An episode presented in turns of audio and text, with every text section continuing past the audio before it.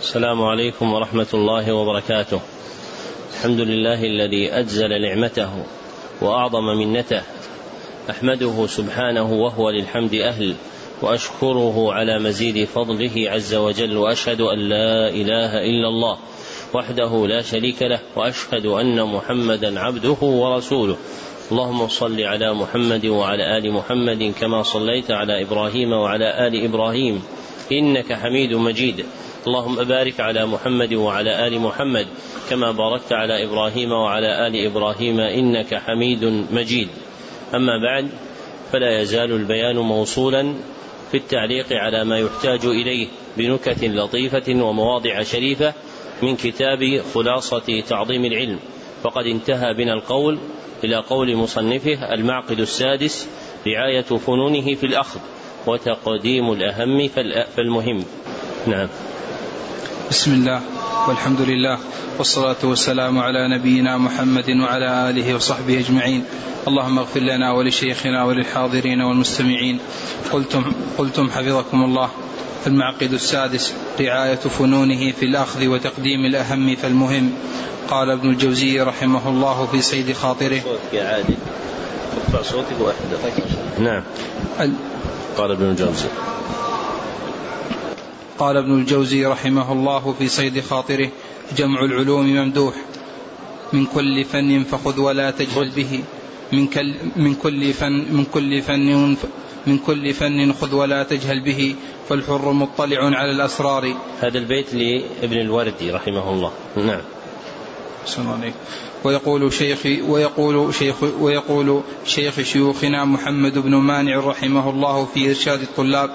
ولا ينبغي للفاضل أن يترك علما من العلوم النافعة التي تعين على فهم الكتاب والسنة إذا كان يعلم من نفسه إذا كان يعلم من نفسه قوة على تعلمه. ولا يسوغ له أن يعيب العلم الذي يجهله ويزري بعالمه. فإن هذا نقص ورذيلة. والعاقل ينبغي له أن يتكلم فالعاقل فالعاقل. ينبغي له أن يتكلم بعلم أو يسكت بحلم وإلا دخل تحت قول القائل أتاني أن سهلا ذم جهلا علوما ليس يعرفهن سهل علوما لو قراها ما قلاها ولكن الرضا بالجهل سهل. قلاها يعني؟ تركها أبغضها. نعم. انتهى كلامه. ومنه قوله تعالى ما ودعك. ما ودعك ربك وما قال. الذي تقدم معنا في معاني الفاتحة وقصار المفصل. نعم. أحسن عليك. وإنما تنفع رعاية فنون العلم باعتماد أصلين. أحدهما تقديم الأهم فالمهم. مما يفتقر إليه المتعلم في القيام بوظائف العبودية لله والآخر أن يكون قصده في أول طلبه تحصيل مختصر في كل فن حتى إذا استكمل أنواع العلوم النافعة نظر إلى ما وافق طبعه منها وآنس من نفسه قدرة عليه فتبحر فيه سواء كان فنا واحدا أم أكثر ومن طيار شعر الشناقطة قول أحدهم وإن تريد تحصيل فن تممه وعن سواه قبل الانتهاء مه. وفي ترادف العلوم المنع جاء إن توأمان استبقا لن يخرجا ومن عرف من نفسه قدرة على الجمع جمع وكانت حاله استثناء من العموم. ما معنى قوله ومن طيار شعر الشناقطة نعم. تعرف الشاهد؟ طيب. ذكرنا ضابطه في بيت. سن. قلنا ضابطه شائع الأبيات إن لم يعلم قائله الطيار بين الأمم شائع الأبيات إن لم شائع الأبيات إن لم يعلم قائله الطيار بين الأمم فيسمى بيتا إيش؟ طيارا. والقول يسمى قولا إيش؟ سائرا. قولا سائرا. نعم. ما معنى قوله مما يفتقر إليه المتعلم في القيام بوظائف العبودية لله؟ في الأصل الأول. أي ما يحتاج إليه في إقامة دينه. أي ما يحتاج إليه في إقامة دينه. ولذلك طالب العلم الذي يقرأ في الآليات كالآجرامية والورقات وهو لم يحفظ كتابا مختصرا في الأذكار كصحيح الكلم الطيب ولم يعرف معانيها طالب علم بطال لأنه لم يشتغل بما يفتقر إليه مما يحتاجه من العبودية. فكيف يكون المرء طلابا للعلم وهو لا يندرج في وصف الذاكرين الله كثيرا والذاكرة؟ فحقيق بطالب العلم أن لا يغفل مع الغافلين بل يكون له حظ من ذكر الله ومما يعينه على تحصيله تقديم تعلم ما يلزمه من الأذكار الموظفة في, في اليوم والليلة وفي الأحوال المتغيرة. نعم.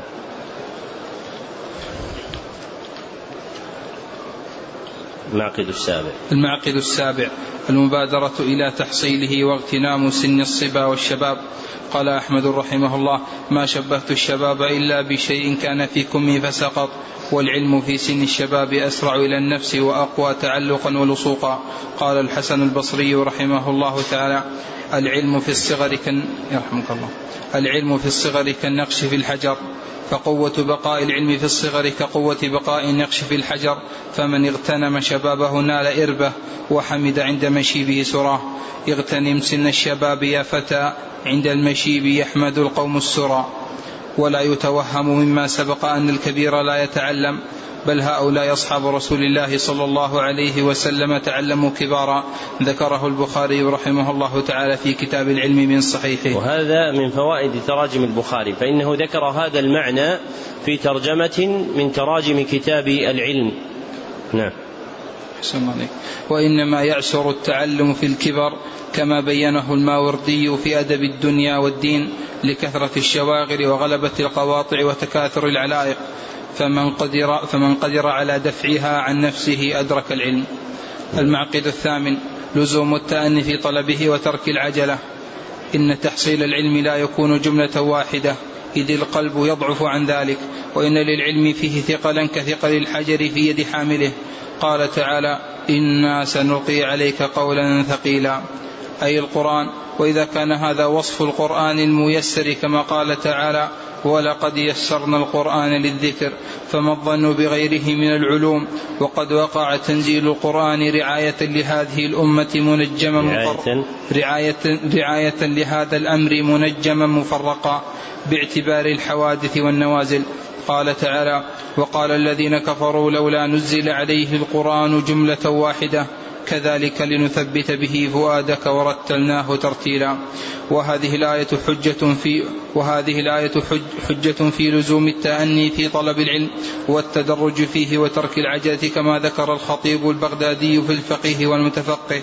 والراغب الأصفهاني في مقدمة جامع التفسير. ومن شعر ابن النحاس الحلبي قوله رحمه الله اليوم شيء وغدا مثله من نخب العلم التي تلتقط يحصل المرء بها حكمة وإنما السيل اجتماع النقط. ومقتضى لزوم التأني والتدرج البداءة بالمتون القصار المصنفة في فنون العلم حفظا واستشراحا والميل عن مطالعة المطولات التي لم يرتفع الطالب بعد إليها. ومن تعرض للنظر في المطولات فقد يجني على دينه. وتجاوز الاعتدال في العلم ربما أدى إلى تضييعه. ومن بدائع الحكم قول ومن بدائع الحكم قول عبد الكريم الرفاعي أحد شيوخ العلم بدمشق. أحد شيوخ. أحد شيوخ العلم بدمشق الشام في القرن الماضي طعام الكبار سم الصغار. ما معنى هذه الكلمة؟ طعام الكبار سم الصغار. نعم.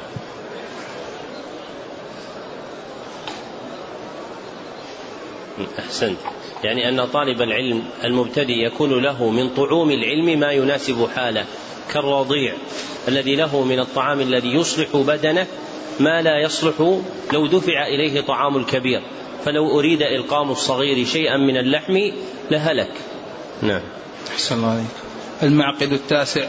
الصبر في العلم تحملا وأداء. إذ كل جليل من الأمور لا يدرك إلا بالصبر. يعني الصبر في العلم تحملا وأداء في طرفيه معلما في طرفيه متعلما ومعلما. فإن المتعلم يحتاج إلى صبر والمعلم أيضا يحتاج إلى صبر والتعليم له حلاوة. لكن المفرق بين الذائقين والتائقين طول الملازمة. فإن من الناس من يتصدى للتعليم لكنه يذوقه ذوقا ثم يلمس حرارة الثبات عليه فينصرف عنه. ولكن التائق المشتاق الذي تعلق قلبه بالتعليم يبقى صابرا عليه كما ذكر في أحوال جماعة من أهل العلم رحمهم الله. نعم. أحسن الله عليك. إذ كل جليل من الأمور لا يدرك إلا بالصبر وأعظم شيء تتحمل به النفس طلب المعالي. وأعظم شيء تتحمل به النفس طلب المعالي. طلب. طلب المعالي. طلب المعالي تصبيرها عليه ولهذا كان الصبر والمصابرة مأمورا, به مأمورا بهما لتحصيل أصل الإيمان تارة ولتحصيل كماله تارة أخرى. قال تعالى يا أيها الذين آمنوا اصبروا وصابروا. وقال تعالى واصبر نفسك مع الذين يدعون ربهم بالغداة والعشي يريدون وجهه. قال يحيى بن أبي كثير في تفسير هذه الآية هي مجالس الفقه. ولن يحصل أحد العلم إلا بالصبر. قال يحيى بن أبي كثير أيضا. ولن يحصل. ولن يحصل أحد العلم إلا بالصبر.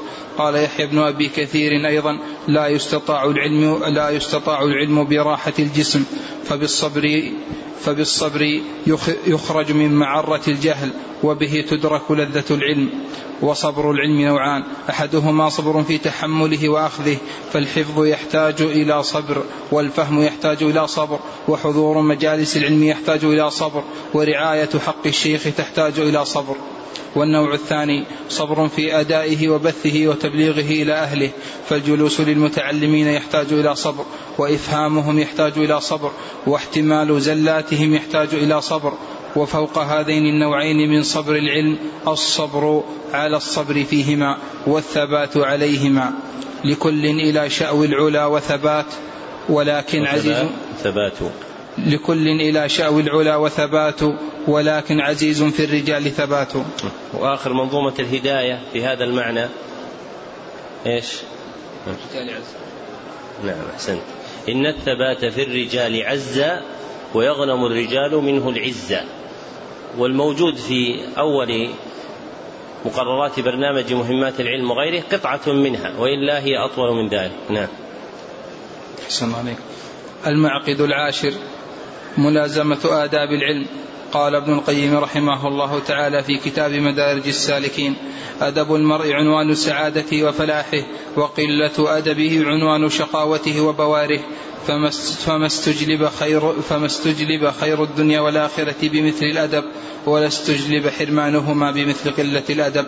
لو لم يكن في تعظيم الأدب وبيان سوء قلته إلا هذه الكلمة من كلام أبي عبد الله بن القيم رحمه الله تعالى لكانت كافية في حمل أحدنا على لزوم الآداب الفاضلة الكاملة والتخلي من الآداب العاطلة الباطلة.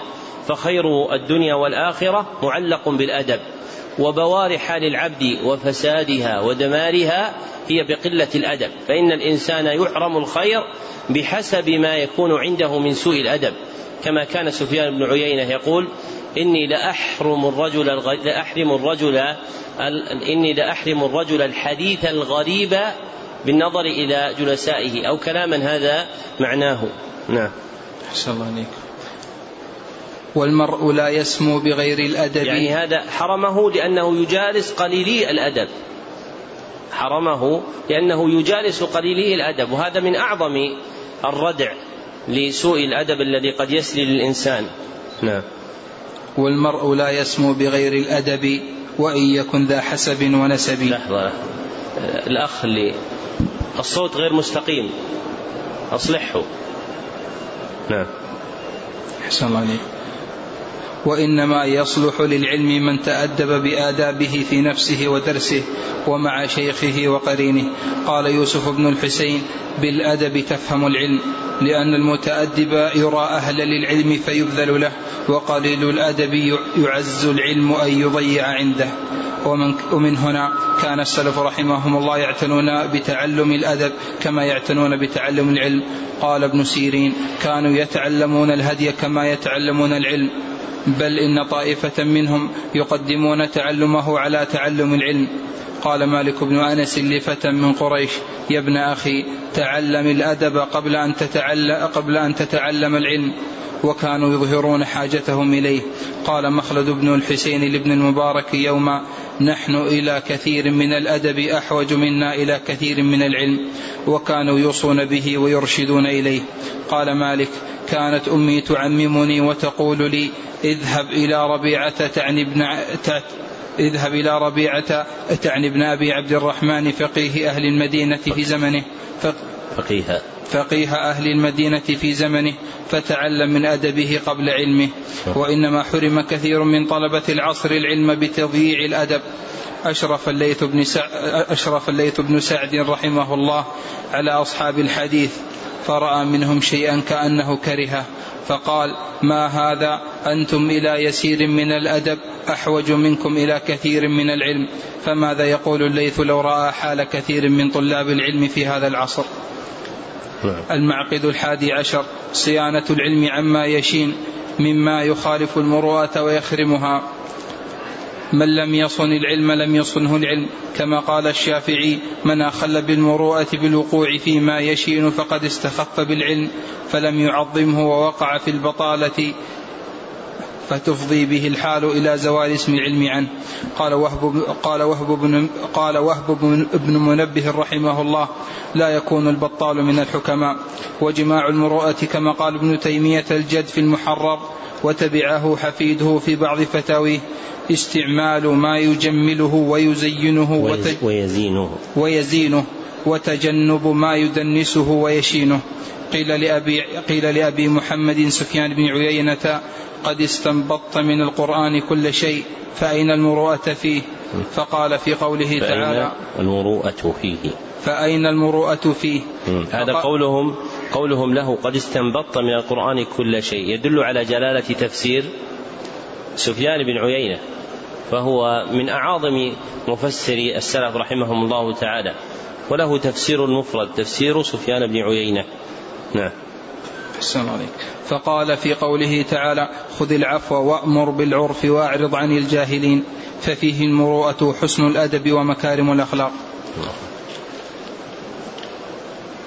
ومن ألزم أدب النفس للطالب تحليه بالمروءة وما يحمل عليها وتنكبه خوارمها التي تخل بها كحلق لحيته أو كثرة الالتفات في الطريق أو مد الرجلين في مجمع الناس من غير حاجة ولا ضرورة داعية أو أو صحبة الأراذل والفساق والمجان والبطالين أو مصارعة الأحداث والصغار. وكان الفراء يقول أدب النفس قبل أدب الدرس.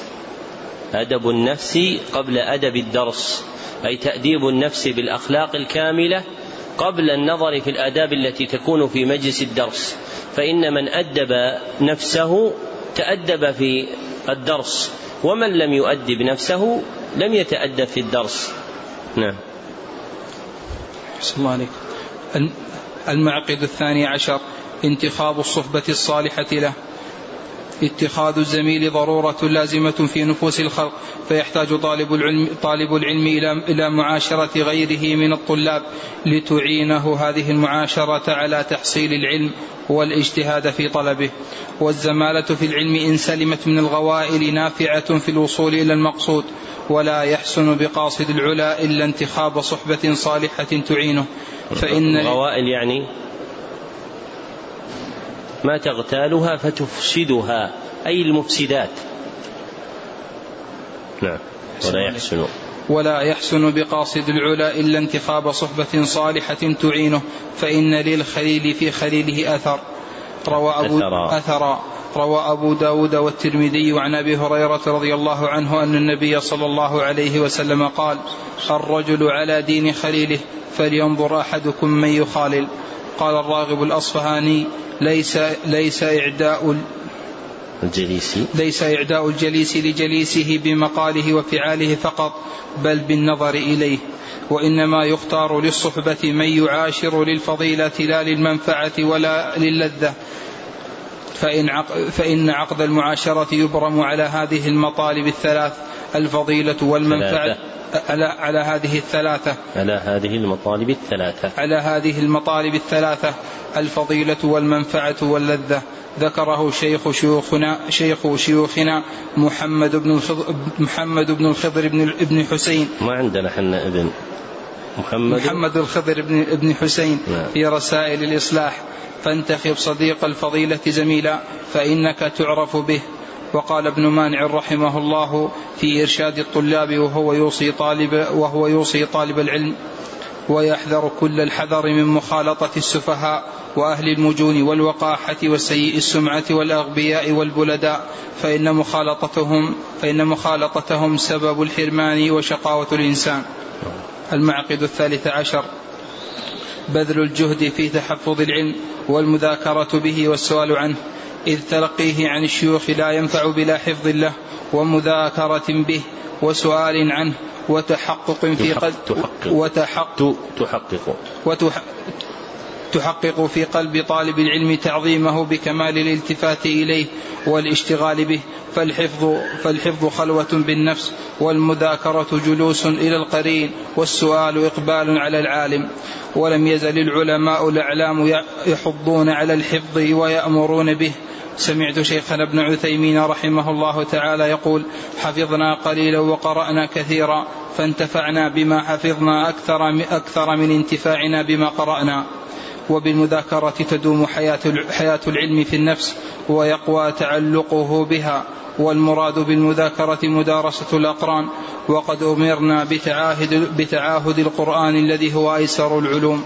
روى البخاري ومسلم عن ابن عمر رضي الله عنهما أن, النبي أن رسول الله صلى الله عليه وسلم قال إنما مثل صاحب القرآن كمثل صاحب الإبل المعقلة. إن عاهد عليها أمسكها وإن أطلقها ذهبت. قال ابن عبد البر رحمه الله تعالى في كتابه التمهيد عند هذا الحديث. وإذا كان القرآن الميسر للذكر كالإبل المعقلة من تعاهدها أمسكها فكيف بسائر العلوم؟ وبالسؤال عن العلم تفتتح خزائنه فحسن, فحسن المسألة نصف العلم والسؤالات المصنفة كمسائل أحمد المروية عنه. كمسائل كمسائل أحمد المروية كمسائل أحمد المروية عنه. برهان جلي على عظيم منفعة السؤال.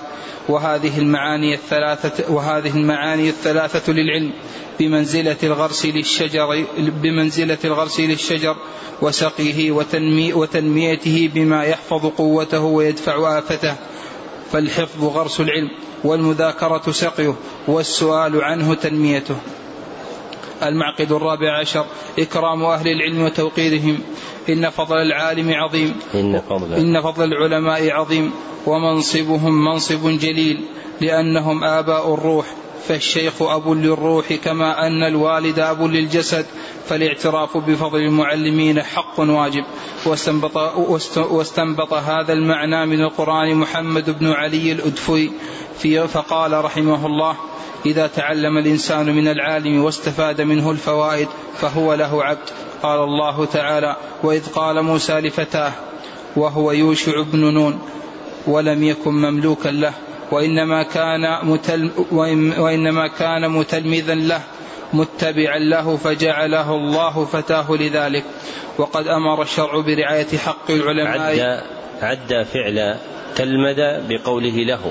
فإنه يقال تلمذ له ولا يقال تلمذ عليه ولا تتلمذ عليه وإنما يعد باللام فيقال تلمذ لفلان وليس تتلمذ على فلان. نعم. سمعني وقد أمر الشرع برعاية حق العلماء إكراما لهم وتوقيرا وإعزازا فروى أحمد في المسند عن, عن عبادة بن الصامت رضي الله عنه أن رسول الله صلى الله عليه وسلم قال ليس من أمتي من لم يجل كبيرنا ويرحم صغيرنا ويعرف لعالمنا حقه. ونقل ابن حزم الإجماع على توقير العلماء وإكرامهم فمن الأدب اللازم للشيخ على المتعلم مما يدخل تحت هذا الأصل التواضع له والإقبال عليه وعدم الالتفات عنه. ومراعاة أدب الحديث معه وإذا حدث عنه عظمه من غير غلو بل ينزله منزلته لئلا يشينه من حيث أراد أن يمدحه وليشكر تعليمه ويدعو له ولا يظهر الاستغناء عنه ولا يؤذه بقول أو فعل وليتلطف في تنبيهه على خطئه إذا وليتلطف في تنبيهه على خطئه إذا وقعت منه زلة. ومما تناسب الإشارة إليه هنا باختصار وجيز معرفة الواجب إزاء زلة العالم وهي ستة أمور. وهو. وهو ستة أمور. الأول التثبت في صدور الزلة منه والثاني التثبت في كونها خطأ وهذه وظيفة العلماء الراسخين فيسألون عنها. فيسألون. فيسألون عنها. أي, أي, أي أن الذي يبين أن قول عالم ما خطأ هو عالم راسخ. من أشار إلى هذا؟ هذا ذكرناه وهذه قواعد تحتاجونها. نعم عبد الله. أحسنت. الشاطبي في الموافقات وابن رجب في جامع العلوم والحكم. فإن بيان زلات العلماء وإبطال مقالات المبتدعة موكل إلى العلماء الراسخين. نعم. أحسن عليكم. والثالث ترك والثالث ترك اتباعه فيها. اتباعه. ترك اتباعه فيها. والرابع التماس العذر بت... التماس العذر له بتأويل سائغ. والخامس بذل النصح له بلطف وسر لا بعنف وتشهير. السادس حفظ جنابه فلا تهدر كرامته فلا تهدر كرامته في قلوب المسلمين. ومما ومما يحذر منه مما يتصل بتوقير العلماء ما صورته التوقير ومآله الإهانة والتحقير كالازدحام على العالم والتضييق عليه وإلجائه إلى أعسر السبل. تذكرون من ذكرنا هنا في الكتاب الأصل؟ ها؟ قصة من؟ نعم لما؟ أحسن ذكرنا قصة هشيم بن بشير لما ازدحم عليه أهل الحديث وكان على حمار فسقط فمات من تلك السقطة رحمه الله.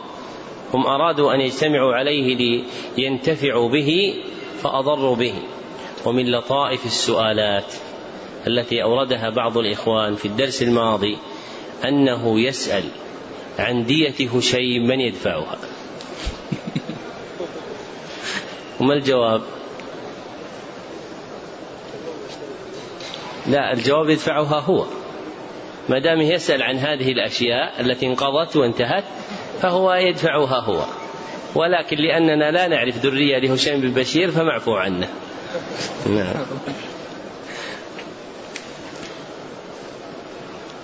الله عليك. المعقد الخامس عشر رد مشكل رد مشكله إلى أهله. فالمعظم لل فالمعظم للعلم يعول على دهاقنته والجهابذة وجها والجهابذة من أهل من أهله لحل مشكلاته ولا يعرض نفسه لما لا تطيق خوفا من القول على الله بلا علم والافتراء على الدين فهو يخاف فهو يخاف سخطة الرحمن قبل أن يخاف صوت السلطان. فإن العلماء بعلم تكلموا وببصر نافذ سكتوا فإن تكلموا في مشكل فت فإن, فإن تكلموا في مشكل فتكلم بكلامهم وإن سكتوا عنه فليسعك ما وسعهم. ومن ومن ومن أشق المشكلات الفتن الواقعة والنوازل الحادثة التي تتكاثر مع امتداد الزمن. والناجون من نار الفتن السالمون من وهج المحن هم هم من فزع إلى العلماء ولزم, ولزم قولهم وإن اشتبه عليه شيء من قولهم أحسن الظن بهم فطرح قوله وأخذ بقولهم فالتجربة والخبرة هم كانوا أحق بها وأهلها وإذا اختلفت أقوالهم لزم قول جمهورهم وسوادهم إيثارا للسلامة فالسلامة لا يعدلها شيء سلامة من ماذا؟ ها؟ من الوقوع في سلامة من الحكومات.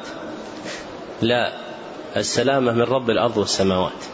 ولو أن هذا المعنى وقر في قلوب طلاب العلم والمتكلمين في هذه المسائل النازلة لألجموا ألسنتهم لأنهم يفدون على عظيم يسألهم سبحانه وتعالى ليس بينهم وبينه ترجمان.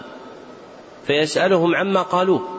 فإذا عرف المرء أنه موقوف بين يدي الله عز وجل وأن الله عز وجل سائله عما قال عظم عليه ذلك فرأى أن السلامة لا يعدلها شيء. وإذا أوكل أمر الأمة بتقدير الله إلى غيرك من العلماء ممن أناط بهم ولي الأمر منصب الإفتاء فإن اللائق بالعبد المراقب لربه أن يكل الأمر إليهم فإن في ذلك سلامة دينه. وإذا احتيج إلى قوله في نازلة ما فإنه ينبغي له أن يراقب الله عز وجل وأن يستمسك بالفزع إلى مشورة أهل العلم وألا يستقل عنهم. وكثير من طلاب العلم يحفظون أن عمر رضي الله عنه كانت إذا وقعت الواقعة جمع لها أكابر أهل بدر. فإذا وقعت اليوم في الأمة الوقائع العظيمة مما هي أعظم من الوقائع التي كانت في زمن عمر رأيت طلاب العلم وأشباه العلماء زرافات ووحدانا يتجرؤون على الكلام في نوازل الأمة. وهذا من الغلط. ولا ينبغي أن يظن الإنسان أن ذلك جبن. فإن ذلك هو الشجاعة لأن الشجاعة أن تكون مع الله سبحانه وتعالى. وليست الشجاعة أن تكون مع الخلق. حاكما أو محكوما. بل الشجاعة هي أن تراقب أمر الله عز وجل. رضي الناس أم سخطوا؟ ومن مراقبة أمر الله سبحانه وتعالى أن لا يرسل الإنسان لسانه بالقول في مثل هذه النوازل بل يكلها إلى أهلها. فإن الله سبحانه وتعالى قال في سورة النساء وإذا جاءهم أمر من الأمن أو الخوف أذاعوا به ولو ردوه إلى الرسول وإلى أولي الأمر منهم لعلمه الذين يستنبطونه منهم. فإن هذه الآية أصل في أن أشباه هذه الأمور العظام في الأمة ترد إلى أولي الأمر. وأولو الأمر نوعان النوع الأول من بيده أزمة السلطان والحكم وهم الملوك والأمراء. والنوع الثاني من بيده أزمة الفتيا والعلم وهم العلماء. فينبغي أن يرد الإنسان الأمر إليهم كما أمر الله سبحانه وتعالى. ولا يظنن امرئ أن ترك ذلك ومخالفته شجاعة بل هو تهور لأن من بيده أزمة الأمر من سلطان وحكم أو فتيا وعلم هو أقدر وأعلم بمجريات الأمور وتقلبات الأحداث. وأنت لا تدرك ما يدرك هؤلاء ولا تعرف ما يعرف هؤلاء. فلا ينبغي أن تتجرأ على الكلام في أمور المسلمين بما سيسألك الله سبحانه وتعالى عنه. والعجيب أن الناس لا يراعون السلامة من تبعات ما يصدرون من أقوالهم في مثل هذه المسائل. وكيف أن المرء ربما ضل وزل وأضل وزل أو وأضل وأزل بكلمة يقولها فيضل بها خلق ويزل بها خلق ويهوي بها في النار سبعين خريفا خلق. لكن من عظم هذا وقف كما وقف الأوائل ورد الأمر إلى أهله. فإذا ابتلاه الله عز وجل بشيء من هذه الرياسات في حكم أو علم سار فيها بما أمر الله عز وجل. فإن قبل الناس منه وإلا برئت ذمته عند الله سبحانه وتعالى. فمن عرف حقيقة الشجاعة وأنها لزوم الشرع فرق بين الجبن والتهور. فإن الجبن والتهور متقابلان وهما الغالب على الناس اليوم. والشجعان على الحقيقة قليل. لكن من ثبت على مراد الشرع ودار مع الشرع كان هو الشجاع حقا.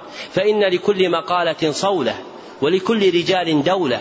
ولكن الحق لا يتغير ولا يتبدل. والدين الذي هدي به النبي صلى الله عليه وسلم وأنزل عليه هو الدين الذي أمرنا بأن نتبعه منذ بعث صلى الله عليه وسلم إلى أن يرث الله الأرض ومن عليها. فينبغي أن يقتدي الإنسان بهداة الأمة وعلمائها الذين عرفوا بأخذ العلم فتلقوه في حلق العلم تعلما ثم صدروا عن ذلك معلمين ومفتين للأمة عقدا بعد عقد وسنة بعد سنة. وليس العلم هو الرئاسات والمناصب والشهادات. كلا فإن العلم الحقيقي هو أن يعرف الإنسان بالطلب ويعرف بالتعليم والفتيا فإذا عرف بذلك فهذا هو العالم حقا. فإذا قلبت تاريخه وجدته قد درس عند فلان وقرأ عند فلان ولازم فلانا. والمقصود بذلك الدراسة والملازمة والقراءة العلمية. وليست الذوقة التي يصحب فيها فلانا يوما ويجتمع مع آخر مجلسا ثم يعد بأنه تلمد لفلان وفلان وفلان. ثم ينظر بعد ذلك ما أثره في نفع الأمة علما وتعليما. فإن الذي يبقى هو العلم والتعليم لأنه دين الله سبحانه وتعالى. فينظر ما له في بيان أحكام الخبر والطلب. فيطلع بهذا معرفة مقدار من هو العالم على الحقيقة ومن هو المتشبه بالعالم. ومن خفي عليه شيء من ذلك فلا ينبغي له أن يحمل نفسه على الهاوية. وقد سأل ابن عمر وقد سأل رجل ابن عمر رضي الله عنه عن مسألة فقال لا أدري. فقال له الرجل قل برأيك يا أبا عبد الرحمن. فقال أتريد أن تجعلني جسرا لك على متن جهنم؟ لأنه يعلم أن هذه الكلمة عظيمة فينتهي إلى ما انتهى إليه من العلم أنه لا يدري. ليس العلم أن تعلم كل شيء وليس العلم أن تقول كل ما تعلم وليس العلم أن تفتي وتتكلم في كل شيء. وقد روى الدارمي وغيره بسند صحيح عن ابن مسعود رضي الله عنه أنه قال من أفتى الناس في كل ما يسألونه فهو مجنون. فمن سار على طريقة السلف رحمهم الله تعالى نجا ومن أخذ في بنياته الطريق فإنه يهلك. والناس يمرون طورا بعد طور في سنوات خداعات يترشح فيها منهم الصادق من الكاذب والمحق من المبطل. فإن بهرج وزخرف الأيام تذهبه سواطع الأدلة من تقلبات القدر الذي يجيه الله سبحانه وتعالى. ولهذا ينبغي أن يكون من دأب الإنسان دائما دوام لهجه بدعائه الله بدعائه الله سبحانه وتعالى بما كان النبي صلى الله عليه وسلم يدعو به في كل صلاة ليل.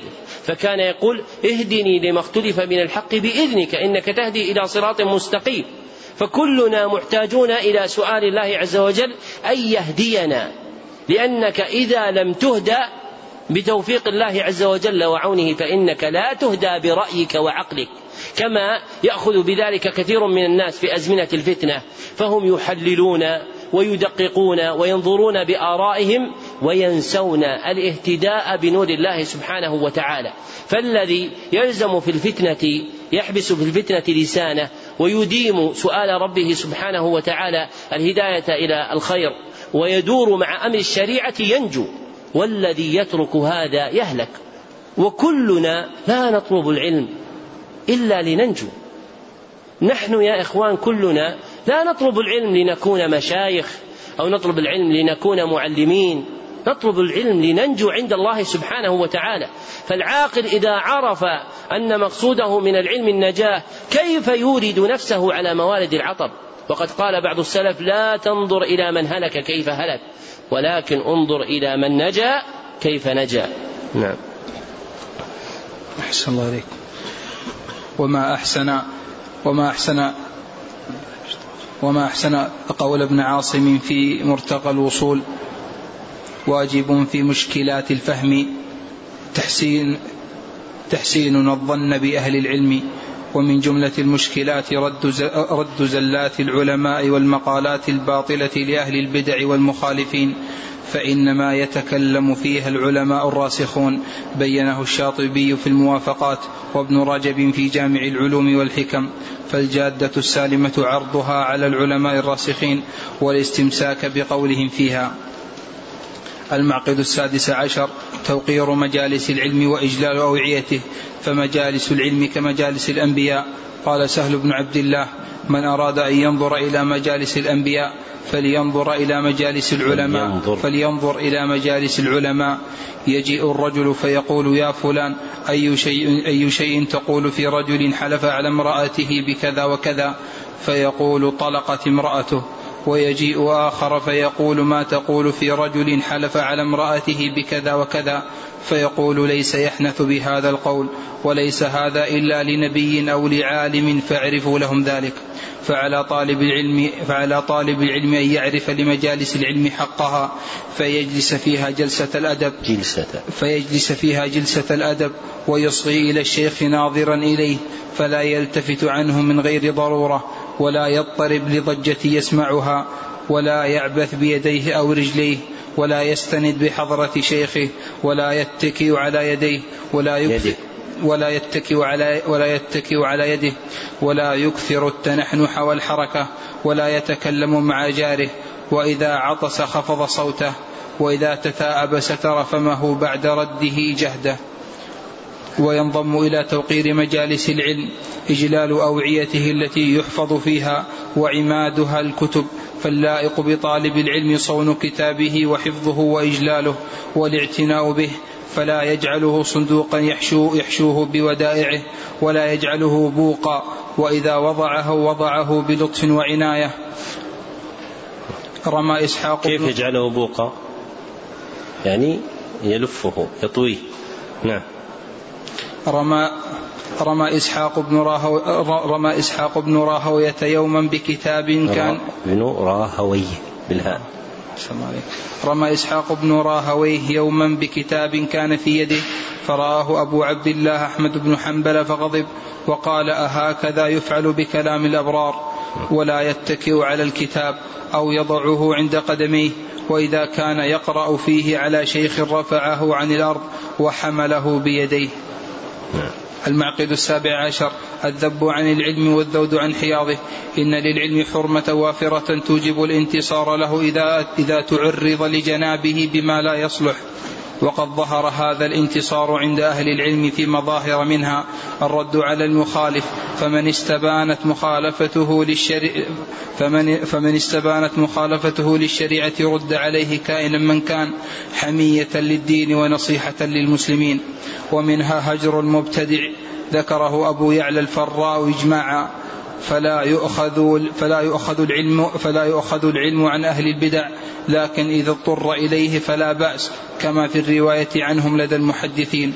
ومنها زجر المتعلم إذا تعدى في بحثه وظهر أو, أو أو, أو ظهر منه أو ظهر منه لدد أو سوء أدب. لدد أي صومة شديدة. نعم. وإن احتاج المعلم إلى إخراج المتعلم من مجلسه زجرا له فليفعل كما كما كان يفعله شعبة رحمه الله مع عف كما كان يفعله شعبة رحمه الله مع عفان بن مسلم في درسه. وقد يزجر, المتع... وقد يزجر المتعلم بعدم الإقبال عليه وترك إجابته فالسكوت جواب فالسكوت جواب قاله الأعمش. ورأينا هذا كثيرا من جماعة من الشيوخ ومنهم العلامة ابن باز رحمه الله فربما سأله سائل عما لا ينفعه فترك الشيخ إجابته وأمر القارئ أن يواصل قراءته أو أجاب بخلاف قصده أجابه أو أجابه بخلاف قصده نعم. المعقد الثامن عشر التحفظ في مسألة العلم فرارا من مسألة التحفظ في مسألة العالم فرارا من مسائل الشغب وحفظا لهيبة من مسائل الشغب. إيش رايكم يا إخوان؟ الشغب. يعني نبهنا هذا لحن شائع إنما هو الشغب وليس الشغب. نعم. فرارا من مسائل الشغب. وحفظا لهيبة العالم. فإن من السؤال ما يراد به فما ما يراد به التشغيب وإيقاظ الفتنة وإشاعة السوء ومن آنس منه العلماء هذه المسائل لقي منهم ما لا يعجبه كما مر معك في زجر المتعلم فلا بد من التحفظ في مسألة العالم ولا ولا يفلح في تحفظه فيها إلا من أعمل أربعة أصول. أربعة. أربعة أصول. أولها الفكر في سؤاله لماذا يسأل فيكون قصده من السؤال التفهم والتعلم. التفقه. التفقه التفقه والتعلم لا التعنت والتهكم. فإن من ساء قصده فإن من ساء قصده في سؤاله يحرم بركة العلم ويمنع منفعته. الأصل الثاني التفطن إلى ما يسأل عنه. فلا تسأل عما لا نفع فيه إما بالنظر إلى حالك أو بالنظر إلى المسألة, نفس المسألة نفسها. ومثله السؤال عما لم يقع أو ما لا يح أو, أو ما لا يحدث به كل أحد وإنما يخص به قوم دون قوم. الأصل الثالث الانتباه إلى صلاح إلى صلاحية حال الشيخ للإجابة عن سؤاله. فلا يسأله في حال تمنعه ككون في حال تمنعه, في حال تمنعه. فلا يسأله في حال تمنعه ككونه مهموما أو متفكرا أو ماشيا في طريق أو راكبا سيارة بل يتح أو راكبا سيارته بل يتحين طيب نفسه. الأصل الرابع تيقظ السائل إلى كيفية سؤاله بإخراجه في مخرج بإخراجه في صورة حسنة متأدبة. فيقدم الدعاء للشيخ ويبجله, ويبجله في خطابه ولا تكن مخاطبته له كمخاطبته أهل السوق وأخلاط العوام. المعقد التاسع عشر شغف القلب بالعلم وغلبته عليه. فصدق الطلب له يوجب محبته وتعلق القلب به ولا ينال العبد درجة العلم حتى تكون حتى تكون لذته الكبرى فيه. لذته. لذته الكبرى فيه. وإنما تنال لذة العلم بثلاثة أمور ذكرها أبو عبد الله بن القيم رحمه الله. أحدها أحدها بذل الوسع والجهد وثانيها صدق الطلب وثالثها صحة, صحة النية والإخلاص. ولا تتم هذه الأمور الثلاثة إلا مع دفع كل إلا مع دفع كل ما يشغل عن القلب. إن لذة العلم فوق لذة السلطان والحكم. إن لذة العلم فوق لذة السلطان والحكم التي تتطلع إليها نفوس كثيرة وتبذل لأجلها أموال وفيرة وتسفك دماء غزيرة. ولهذا كانت الملوك تتوق إلى لذة العلم وت وتحس فقدها وتطلب تحصيلها. قيل لأبي جعفر المنصور الخليفة العباسي المشهور الذي كانت ممالكه تملأ الشرق والغرب هل بقي من لذات الدنيا شيء لم تنله؟ فقال فقال وهو مستو على كرسيه وسرير ملكه بقيت خصلة أن أقعد على مصطبة وحولي مصطبة على مصطبة وحولي أصحاب الحديث أي طلاب العلم. فيقول, المستو فيقول المستملي من ذكرت رحمك الله؟ يعني فيقول حدثنا فلان قال حدثنا فلان ويسوق الأحاديث المسندة ومتى عمر القلب بلذة العلم سقطت لذات العادات وذهلت النفس عنها بل تستحيل الآلام لذة بهذه اللذة نعم. المعقد العشرون حفظ الوقت في العلم. قال ابن الجوزي رحمه الله في صيد خاطره ينبغي للإنسان أن يعرف شرف زمانه وقدر وقته فلا يضيع منه لحظة من فلا يضيع منه لحظة في غير قربة ويقدم فيه الأفضل فالأفضل من القول والعمل. ومن هنا عظمت رعاية العلماء للوقت حتى قال محمد بن الباقي البزار. محمد بن محمد بن عبد الباقي البزار. بزاز. البزاز حتى قال محمد بن عبد الباقي البزاز ما ضيعت ساعة من عمري من عمري في لهو أو لعب. قال أبو الوفاء بن عقيل بزاز يعني؟ من يبيع البز والبز هو هو الخام. والخام هو الثياب. يسمى يعني بزازا نعم. وبلغت وبلغت قال أبو الوفاء بن عقيل قال أبو الوفاء بن عقيل الذي صنف كتاب الفنون في ثمانمائة مجلد إني لا يحل لي أن أضيع ساعة من عمري. وبلغت وبلغت بهم الحال أن يقرأ عليهم حال الأكل بل كان يقرأ عليهم وهم في دار الخلاء. فاحفظ أيها الطالب وقتك فلقد أبلغ الوزير الصالح ابن هبيرة في نصحك بقوله والوقت أنفس ما عنيت بحفظه وأراه أسهل ما عليك يضيع. أسهل. أسهل ما عليك يضيع. تمت الخلاصة. أحسنت. اكتبوا طبقة السماع. سمع علي جميعا حسب المسموع لأحدكم أو أكثر أو بعض خلاصة تعظيم العلم بقراءة غيره صاحبنا يكتب اسمه الأتم. فتم له ذلك في مجلس واحد. مجلسين ولا مجلس واحد؟ مجلسين. في الميعاد المثبت في محله من نسخته لأن كل طالب يكتب في ابتداء المجلس ابتدأ المجلس الأول بعد صلاة العصر. يعني كنا في ثم إذا انتهى المجلس الأول يكتب نهاية المجلس الأول. ثم إذا ابتدأ المجلس الثاني يكتب على طرف الورقة بداية المجلس الثاني بعد صلاة العشاء ثم يكتب في آخر الكتاب انتهى المجلس الثاني الساعة الفلانية مثلا بحيث تعرف بدايات المجالس ثم يسجل مقاديرها في هذا المحل. وأجزت له روايته عني إجازة خاصة من معين لمعين في معين. الحمد لله رب العالمين. صحيح ذلك. وكتبه صالح بن عبد الله بن حمد العصيمي ليلة. إيش؟ الجمعة الثالث عشر من شهر ربيع الآخر سنة اثنتين وثلاثين بعد أربعمائة والألف في المسجد النبوي بمدينة الرسول صلى الله عليه وسلم نكتفي بهذا القدر ونرجع الكتاب الثالث إن شاء الله تعالى إلى المجلس القادم لنجيب على بعض أسئلتكم إن بعض الإخوان يقولون ما تجيبون نقول لأن ما فيه وقت لكن إذا جاء الوقت نجيب. وإقراء الكتب أنفع من الأسئلة لأن الأسئلة الحمد لله تجدون في البلد علماء تستفتونهم في الأسئلة لكن قراءة الكتب تكون في محلها اللائق بها. بالنسبة للدرس القادم يكون في تاريخ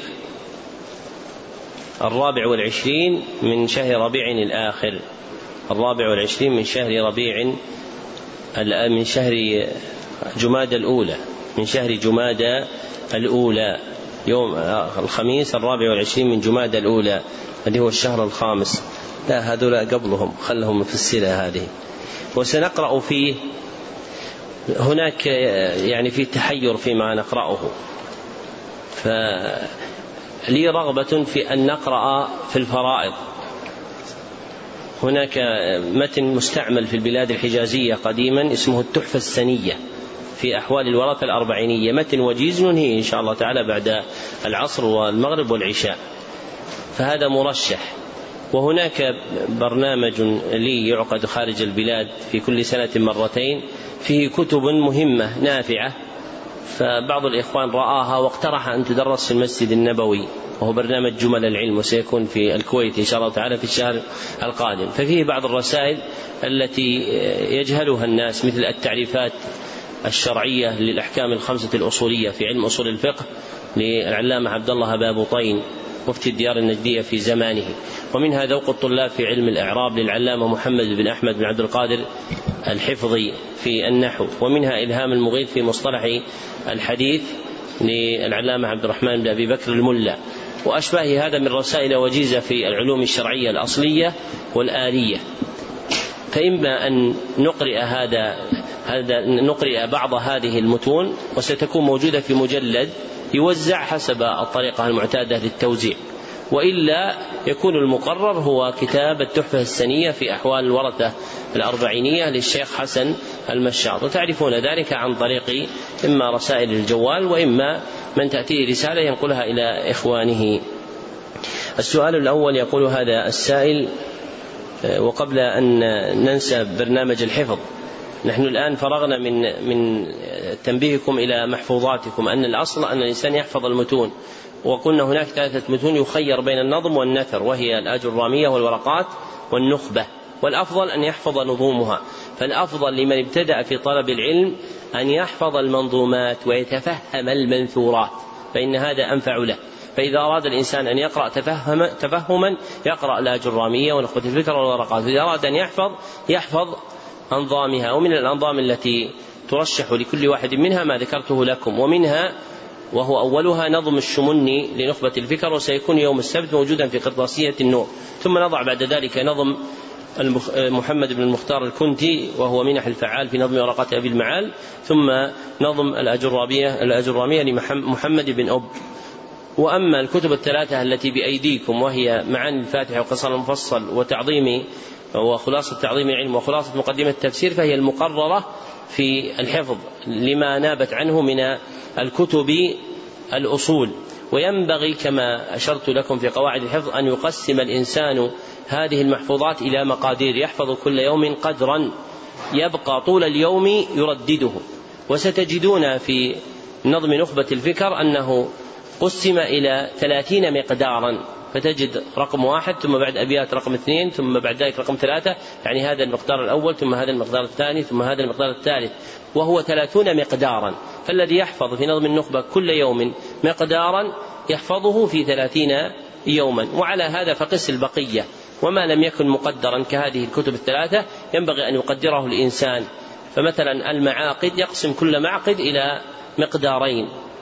وبعضها ربما يزيد أو يقل فربما يكون ثلاثة أو يكون المقدار واحدا كل المعقد يحفظه كالمعقد الأخير مثلا وهلم جرا. يقول هذا السائل يقول ما معنى من المسائل التي فيها النار تحت الرماد؟ هذه الكلمة ذكرناها عند إيراد إحدى المسائل الأصولية. ونقلت لكم أن هذا من كلام العلامة محمد الأمين الشنقيطي في مذكرة, مذكرة أصول الفقه. يريد بذلك المسائل التي تخفى على بعض الناس فيتناقلونها مع كونها خطأ يتعلق بأمر عظيم وهو الاعتقاد. وهذا موجود في جملة من المسائل العقدية. كالذي يرى رمادا يظن أن النار قد فترت وذهبت. فإذا حرك هذا الرماد وجد النار تحته. يقول هذا السائل يقول كيف يتم التوسع عن هذه المتون التي درسناها بشكل مختصر؟ وهل يكفي هذا الشرح المختصر للانتقال إلى الباقي في المتون العلمية؟ الجواب أن الشرح الذي سمعتموه أريد منه بيان المقاصد الكلية والمعاني الإجمالية للكتب فهو مفتاح لفهمها. وينبغي بعد ذلك أن يبحث الإنسان عن شروح هي أعلى منه في جمع مسائل الكتاب والإشارة إليها. ثم بعد ذلك يتطلع إلى ما وراءه من المتون المعتبرة ويدرسها. هذا يقول من وصل في دراسته النظامية إلى المراحل المتقدمة كالماجستير في الأقسام الشرعية وليس عنده من التحصيل الشرعي الكثير وهو مضطر في هذه المراحل أن يدخل في المطولات من الكتب لأن هذه المراحل تتطلب ذلك فماذا يفعل من كان حاله هذا؟ يكون كحال آكل الميتة.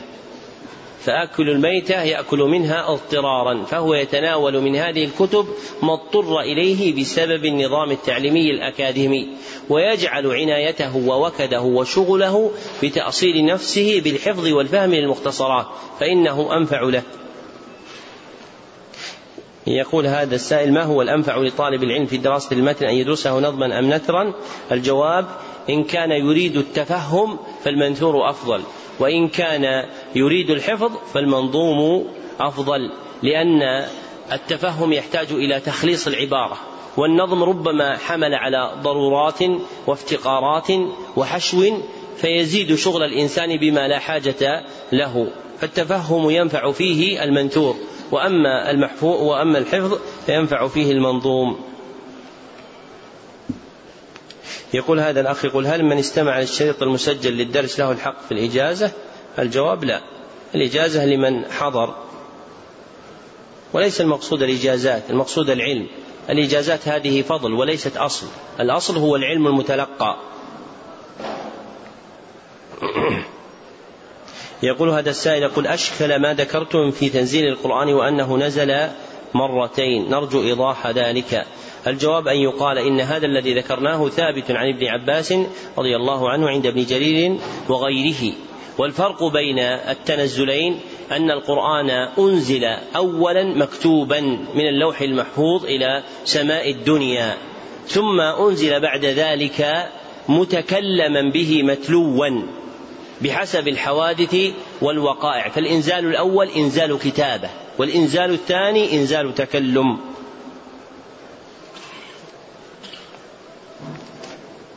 يقول هذا السائل ذكرتم أن الأولى في الإخبار عن اسم من أسماء الله أن يقال الاسم الأحسن دون لفظ الجلالة لعدم ورود الأخير في خطاب الشرع. فأشكل علي يقول الله تعالى تبارك اسم ربك ذي الجلال والإكرام. ثم هل يقال في باب الإخبار عن الله أن كذا أولى من كذا وجزاكم الله خيرا. الجواب أن يقال إن ذي الجلال صفة لاسم أم الرب؟ ربك لأنها مجرورة. تبارك اسم ربك ذي الجلال. فهي متعلقة بوصف الرب لا بوصف الاسم. وقوله هل يقال في باب الإخبار عن الله إن كذا أولى من كذا؟ نعم يقال. ما جاء في الخطاب الشرعي أولى من غيره. لأن الإخبار عن الله عز وجل بشيء ليس بابا مشرعا كما يظنه بعض الناس فيقرر بأن باب الإخبار أوسع من باب الأسماء والصفات بل باب الإخبار مشروط بشرطين على ما حرره أبو العباس بن تيمية في كلام طويل له في درء تعارض العقل والنقل. حاصله أن الخبر عن الله عز وجل بلفظ ما له شرطان. أحدهما ألا يكون ذلك اللفظ المخبر به متمحضا في القبح بل يكون معنى ربما أريد به القبح وربما أريد به الحسن. وثانيهما أن تحمل الحاجة عليه فإن لم توجد الحاجة فإنه لا يلقى إليه بال. وما كان في القرآن الكريم فهو أولى فإن الله قال ولله الأسماء الحسنى وحينئذ يكون الواحد من الأسماء موصوفا بوصفنا الاسم الأحسن. يقول ما رأي ما رأيكم في أخذ العلم على المشايخ؟ ليس المشائخ أخونا هامز المشايخ خطا وإن شاء الله ما يهمزهم لفظا. همز المشايخ لا يجوز لا لفظا ولا خطا إنما يكتب بالياء. والعلماء المعتبرين عن طريق الأشرطة والتسجيلات خاصة مع صعوبة الوصول والسفر إلى كل العلماء المعتبرين. لا يحتاج أن لا يحتاج أن تسافر إلى كل العلماء المعتبرين. سافر إلى من تنتفع بعلمه. فلو سافرت إلى واحد معتد به تنتفع بعلمه وتعليمه كفاك ذلك. والأصل أن يتلقى العلم عن الرجال. وأما الأشرطة الصامتة فهذه بحسب الحاجة الداعية. وأما أن يستغنى بها عن أهل العلم والأخذ عن الرجال فلا يكون ذلك أبدا. يقول هذا السائل هل في سورة الفاتحة ذكر القدر؟ الجواب نعم ذكر القدر في سورة الفاتحة في مواضع كثيرة. منها قوله تعالى مالك يوم الدين. فإن المذكور في هذه الآية القدر الأخروي. فإن الله عز وجل قسم الخلق إلى أهل جنة وأهل نار ومنتهى القدر الأخروي يكون ببروز الحساب والجزاء على الأعمال. ولابن القيم رحمه الله تعالى كلاما نافعا. ولابن القيم رحمه الله كلام نافع في صدر مدارج السالكين في بيان معاني الفاتحة وما تتضمنه من العلوم. حقيق بأن يقرأه طالب العلم. قال هذا السائل أشكل علي في درس الأصول الثلاثة. ما درسنا الأصول الثلاثة؟ درسنا عندكم الأصول الثلاثة؟ أي ثلاثة الأصول وأدلتها. أما الأصول الثلاثة ما درسناها هنا. الأصول الثلاثة رسالة مختصرة وجيزة. غير هذه الرسالة التي بأيديكم. هذه ثلاثة الأصول وأدلتها. أشكل علي قولكم أن رب العالمين وكل ما سوى الله عالم أنه من كلام المتكلمين من أي جهة؟ من جهة أن وضع هذا اللفظ على معنى أن العالمين كل ما سوى الله لا يعرف عند العرب. وإنما العالم عند العرب اسم للأفراد المتجانسة من المخلوقات كالملائكة والجن والإنس.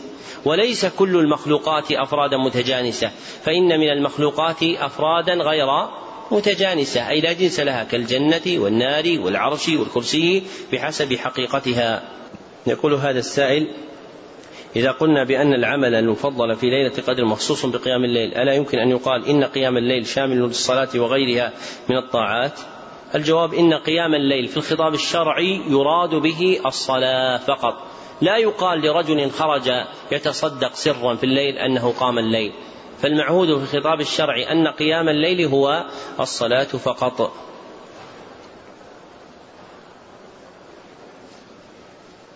يقول هذا السائل في مسألة صفة السكوت لماذا لا نثبتها مثل الصفات الأخرى؟ نقول صفة السكوت ثابت لله ومن لوازمها ومن لوازمها كما في الحديث عدم إظهار الحكم ومن قال أننا لا نثبتها. ماذا قلنا لكم في صفة السكوت؟ ما تذكرون؟ ماذا قلنا؟ هل ثابتة أم ليست ثابتة؟ قلنا ثابتة. قال أبو العباس بن تيمية والسكوت ثابت لله بالنص والإجماع. فنقول إنها ثابتة لكن قلنا إن معناها إيش؟ عدم إظهار عدم إظهار الحكم وإبانته. وليس المراد الانقطاع عن الكلام. والموجب لهذا تتبع النصوص التي ورد فيها ذكر السكوت. من الأحاديث المرفوعة وفيها ضعف ومن الآثار الموقوفة وصح ذلك عن ابن عباس عند أبي داود في سننه. هذه هذه من الأسئلة التي قبل البرنامج مهمات العلم. فأخذنا من هذا القدر ونواصل إن شاء الله تعالى بعدها هناك بعض الأسئلة التي أرسلها الإخوان في أثناء البرنامج. نقرأ منها شيئا لأنها قد تتعلق ببعض المسائل التي ذكرناها فيه. هذا الأخ عنده جملة من الأسئلة.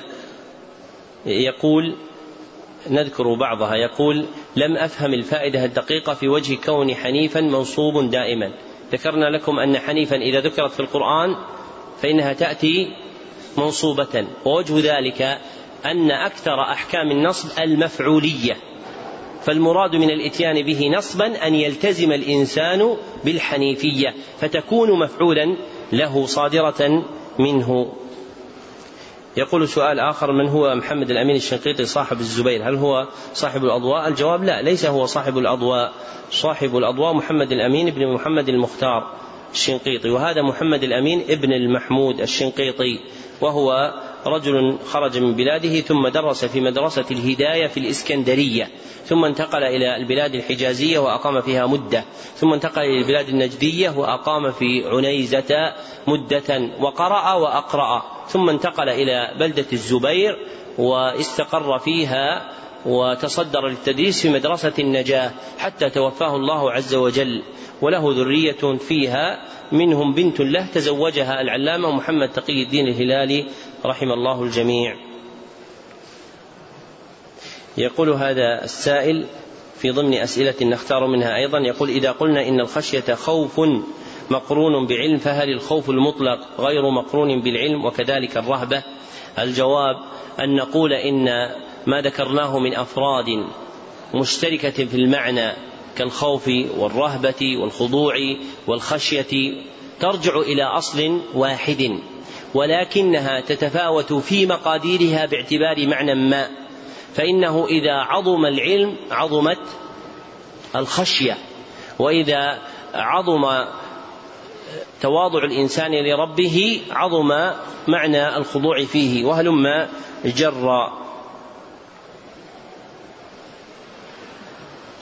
يقول ذكرتم أن الطاغوت إذا أفرج فالمراد به الشيطان فهل تقولون في قوله تعالى يؤمنون بالجبت والطاغوت؟ فما تقولون في قوله تعالى يؤمنون بالجبت والطاغوت؟ وقد فسرها بعض العلماء بغير ذلك. إذا كان فسرها بعض العلماء بغير ذلك فإن عمر رضي الله عنه المحدث الملهم من الصحابة فسر الطاغوت في هذه الآية بأنه الشيطان رواه عنه ابن جرير بسند صحيح وهو الصواب أن الطاغوت في هذه الآية هو الشيطان. يقول هذا الأخ سؤال يقول ما معنى هجر المبتدع المجمع عليه؟ هذه الكلمة ما أدري من أين جاءها. ها؟ في تعظيم العلم؟ لا ليست في تعظيم العلم. في تعظيم العلم هجر المبتدع المجمع عليه وليس المجمع عليه. المجمع عليه يعني راجع إلى راجع إلى الهجر والكلام أوضح من, من أن يوضح. يقول ما معنى؟ حدثني جماعة من المسندين وهو أول حديث سمعته منهم ومن هم المسندون. معنى أول حديث جماعة من المسندين أي التي لهم رواية بأسانيدهم إلى النبي صلى الله عليه وسلم. ومن هم المسندون؟ كثيرون في كل زمان ومكان. وذكرنا لكم أسندنا لكم واحدا عن واحد منهم. يقول هذا السائل يقول درسنا في كتاب التوحيد باب التسمي بقاضي القضاة. سؤالي روي عن بعض السلف أنه كان يسمى بقاضي القضاة فما توجيهكم؟ بارك الله فيكم. السلف الذين هم الصحابة والتابعون وتابع التابعين لا يعرف فيهم. وأما من بعدهم فهذا من الألقاب الحكمية السلطانية التي حدثت. وتصرفات السلاطين ليست أحكاما على الدين. يقول هذا السائل يقول أريد زيادة البيان بأقسام رؤية الله سبحانه وتعالى يوم القيامة. ذكرنا لكم أن رؤية الله سبحانه وتعالى تكون يوم القيامة في مقامين. أحدهما مقام الموقف والثاني في الجنة فأما في مقام الموقف فيراه الكافرون والمنافقون والمؤمنون وأما في الجنة فلا يراه إلا المؤمنون والفرق بين الرؤيتين إيش؟ أن الرؤية الأولى رؤية رؤية تعريف رؤية تعريف وأن الرؤية الثانية رؤية تشريف. ولذلك الله عز وجل يقول هل تعرفون ربكم؟ يعني في الموقف في رؤية الموقف. يقول هذا السائل يقول أنا طالب علم وعندي معاصي أتوب منها ثم أرجع إليها ثم أتوب ثم أرجع وهكذا وليس هناك حزم فما هي نصيحتك لي؟ الجواب أن هذا الأمر الذي تفعله الذي تفعله هو مما كتبه الله عز وجل عليك فإن الله كتب على كل أحد حظه من الذنب وكل الناس خطاء. ولا يعاب الإنسان على صدور الذنب منه لأنها جبلة إنسانية وطبيعة آدمية وإنما يعاب الإنسان على عدم التوبة من الذنب. قال أبو العباس ابن تيمية الحفيد في العقيدة التدمرية من أذنب فندم فتاب فقد أشبه أباه ومن شابه أباه فما ظلم. انتهى كلامه. يعني آدم عليه الصلاة والسلام. فينبغي للإنسان إذا وقع في ذنب أن يسارع إلى التوبة وإلا فالوقوع في الذنب من طبع ابن آدم وجبلته وليس ذلك مسوغا لتهتك الإنسان في الذنوب واستكثاره منها. لأن هذا لا ينجمع مع المعنى الذي ذكرناه من إيجاب المبادرة إلى التوبة. ولكن المقصود أنك لا تنظر إلى نفسك أنك ملك. لا تصدر منك الذنوب. فكلنا ذو ذنب. وفي الصحيح في حديث مسلم في حديث أبي ذر عند مسلم أن الله عز وجل يقول يا عبادي إنكم تذنبون بالليل والنهار. إشارة إلى كثرة ذنوب الخلق. ثم قال وأنا أغفر الذنوب جميعا فاستغفروني أغفر لكم. فالعبد مأمور بأن يتوب إلى الله سبحانه وتعالى وأن يجاهد في الله عز وجل ما يقع منه من معصية وخروج عما أمر الله عز وجل به. يقول هذا السائل أنا طالب علم في هذا المسجد ولي سبع سنوات في الطلب وأرى أن الفائدة قليلة وأرى أنني لم أجد شيئا فماذا تنصحونني؟ الجواب أنني أرى أنك قد حصلت شيئا كثيرا. فإن ملازمتك طلب العلم سبع سنوات عمل عظيم يرجى لك منه عند الله الثواب الجزيل. فالعلم لا يراد منه أن تكون ذا معلومات ولكن المراد أن تتقرب إلى رب الأرض والسماوات. وإذا كنت قد طلبت العلم سبع سنوات فإنك قد حصلت خيرا كثيرا. لكن ينبغي أن تجتهد في تقويم مسيرك بمعرفة ما يؤدي إلى سرعة تحصيلك وتكثير فائدتك. وذلك بلزوم الجادة بالعناية بالحفظ والفهم والعمل. فإذا اعتنى الإنسان بالحفظ والفهم والعمل فأنا كفيل له بأن يحصل في مدة يسيرة ما لا يحصله أكثر الناس إلا بمدة طويلة. ومن علم الله عز وجل صدقه أعانه. وأنتم تجدون في جملة من التراجم أن في جملة من التراجم أن المذكور فيها طلب العلم خمس سنوات فنبغ. ووجه نبوغه ملازمته لهذه الأصول الثلاثة. من العلم من الحفظ والفهم والعمل. فينبغي أن يصحح الإنسان خطاه في سيره وأن يلاحظ هذه الأمور الثلاثة بعين الرعاية فإنه يوفق له. يقول أشكل علي ما جاء في قول القرآن يقول يوم القيامة رب منعته من النوم. إذا كان القرآن صفة لربنا فما وجه الربوبية, الربوبية هنا؟ وجهها كوجهها في قوله تعالى سبحان ربك رب العزة عما يصفون. فإن العزة هنا في أصح القولين هي عزة الله عز وجل. ومعنى رب العزة يعني صاحبها. فهو صاحبها لأنها تضاف إليه. والصحبة هنا بمعنى الملك الذي ذكره أهل اللغة في معاني الرب. فالله عز وجل يملك صفاته أن يوصف بها فهي مصاحبة له. فإذا ذكرت الصفة مع إضافة الرب إليها فالمراد بها صحبته سبحانه وتعالى هذه الصفة في اتصافه بها. وبها يعلم تحرير القول في قولهم رب القرآن. فإذا كان المراد بمعنى الرب أنه صاحبها المتصف بها لأن القرآن من كلام الله عز وجل فهذا حق. وإن أريد أنها مخلوقة أنها ترجع إلى صفة كلام وأنها مخلوقة فهذا كفر محرم. يقول ذكرتم أن من الأسماء الحسنى أرحم الراحمين. وقد أشعل أشكل علي إذ هي من الصفات.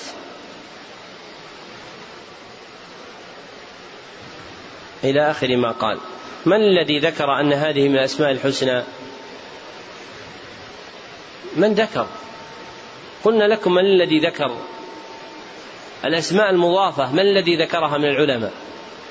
شيخ الإسلام بن تيمية في الفتاوى المصرية فهو نص على هذا المعنى وهي ليست صفات باعتبار الوضع الشرعي لا الوضع اللغوي.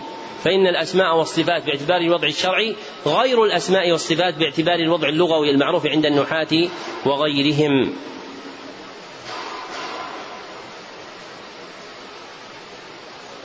هذا الأخ يقول أريد أرجو من الأخ القارئ أن يكرمنا ويقرأ من غير ترتيل هذا في الأسئلة حقة الإجازة ويقرأ من غير ترتيل قراءة عادية. ما معنى الترتيل؟ ما الجواب؟ ما معنى الترتيل يا إخوان؟ يعني الترسل والتؤدة في الكلام وتحسين الصوت به هذا الترتيل. ليس المقصود به أن تجعل أحكام القرآن أحكام الكلام الآخر. هذا ليس مقصودا. وأهل العلم قد نصوا على قراءة الحديث بترتيل. نص على هذا الإمام أحمد وذكره العراقي في ألفيته. وإنما المذموم هو أن تجعل لها أحكام القرآن الكريم التي تختص به. لأن من أحكام قراءة القرآن الكريم ما لا تختص به. مثل الإظهار والإخفاء والقلب والإدغام فإن هذه ليست مختصة بالقرآن الكريم بل العربي الفصيح لا ينطق باللغة إلا هكذا.